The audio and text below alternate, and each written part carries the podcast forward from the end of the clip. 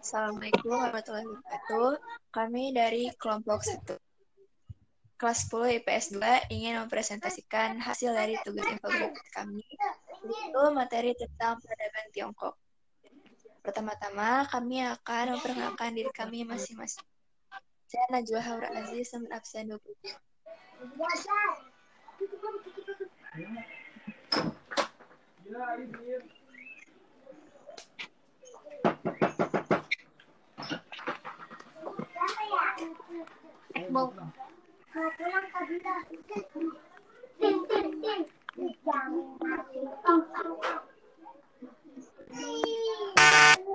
Perkenalkan, nama saya Nabila Putri, nomor absen 26 dari kelas X IPS 1 2. Saya Rika Fakia, nomor absen 34. Saya Ahmad Pratama, absen 02 dari PS2.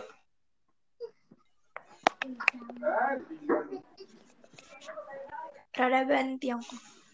Peradaban Tiongkok adalah peradaban yang dimulai di sepanjang lembah Sungai Kuning atau Guanghu, yang merupakan sungai terpanjang kedua di Tiongkok. Daerah yang subur ini telah didiami oleh manusia purba sejak 1,7 tahun yang lalu dan menjadi awal suatu peradaban.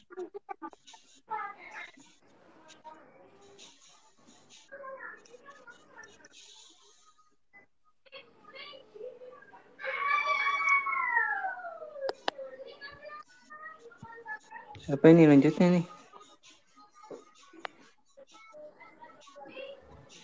Cirika ya? Iya, Siri, Selama ya, dinasti berdirinya- satu ya? selama berdirinya peradaban Tiongkok, ada beberapa dinasti yang pernah memimpin. Satu, dinasti Xia tahun 2070 sebelum Masehi sampai 1600 sebelum Masehi dianggap diragukan keberadaannya atau banyak yang bilang hanya fiksi belaka. Dua, dinasti Shang tahun 1600 sebelum Masehi sampai 1046 sebelum Masehi. Sudah mengenal tulisan, pemerintahan bersifat feodal, budaya perunggu maju, dan unggul di bidang militer. Tiga dinasti Zhou tahun 1046 sebelum Masehi sampai 256 sebelum Masehi. Dinasti terlama namun masanya tidak begitu gemilang karena banyak kekacauan dan wilayah mulai terpecah-pecah. Filsafat berkembang di masa ini yaitu Konfusianisme. Empat dinasti Qin tahun 221 sebelum Masehi sampai 206 sebelum Masehi. Zaman kekaisaran di mana kaisar pertamanya adalah Shi Huangdi, feodalismenya sudah tidak ada. Dibuatnya The Great Wall untuk mempertahankan wilayah. Di masa ini juga terjadi penyatuan wilayah di Tiongkok. Lima dinasti Han tahun 207 sebelum Masehi sampai 202 Masehi. Didirikan oleh Liu Pang dan Jaya pada masa Kaisar Han Wuti. Kertas diciptakan pada masa dinasti ini. 6. Dinasti Tang 618 sampai 907 Masehi. Didirikan oleh Li Xin dibuatnya peraturan tentang perpajakan dan peraturan tanah. 7. Dinasti Sung 907 sampai 1279 Masehi sangat memperhatikan seni dan pengetahuan. Di masa ini bangsa Mongol menyerah Tiongkok dan mendirikan dinasti Yuan. 8. Dinasti Yuan 127 9 sampai 1368 Masehi. Kubilai Khan menguasai Tiongkok dan mendirikan dinasti Yuan. 9. Dinasti Ming 1368 sampai 1644 Masehi. Bangsa Mongol diusir dari Tiongkok dan dinasti Ming didirikan. 10. Dinasti Qing 1644 sampai 1922 Masehi. Bangsa Manchu merebut dinasti Ming dan kemudian mendirikan dinasti Qing serta dinasti terakhir dan dari peradaban ini. Keunggulan setiap dinasti memiliki keunggulannya masing-masing. Namun dinasti Qin, dinasti Han, dan dinasti Tang lah yang paling sering disebut sebagai masa kemasan.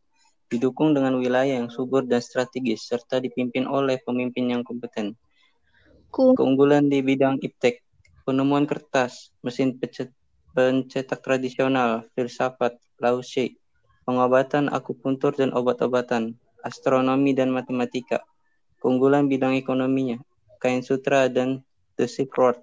Diberlakukannya uang kertas, hasil pertanian. Keunggulan bidang militer pertahanan, dibangunnya tembok besar Cina, penemuan bubuk mesiu, ujian kekaisaran. Keunggulan bidang bidang arsitektur, The Great Wall, istana-istana dan kuil-kuil. Peruntukannya siapa yang membaca ini?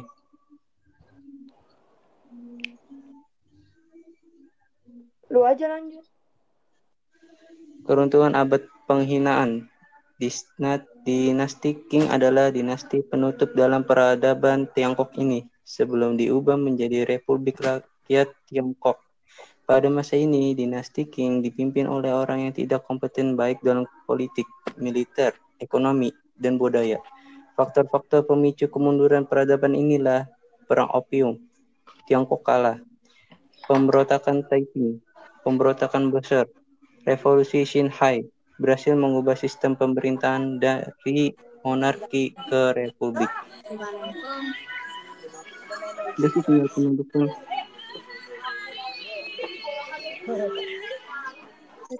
Sekian penjelasan dari kelompok kami. Kurang lebihnya mohon maaf. Terima kasih. Wassalamualaikum Warahmatullahi wabarakatuh.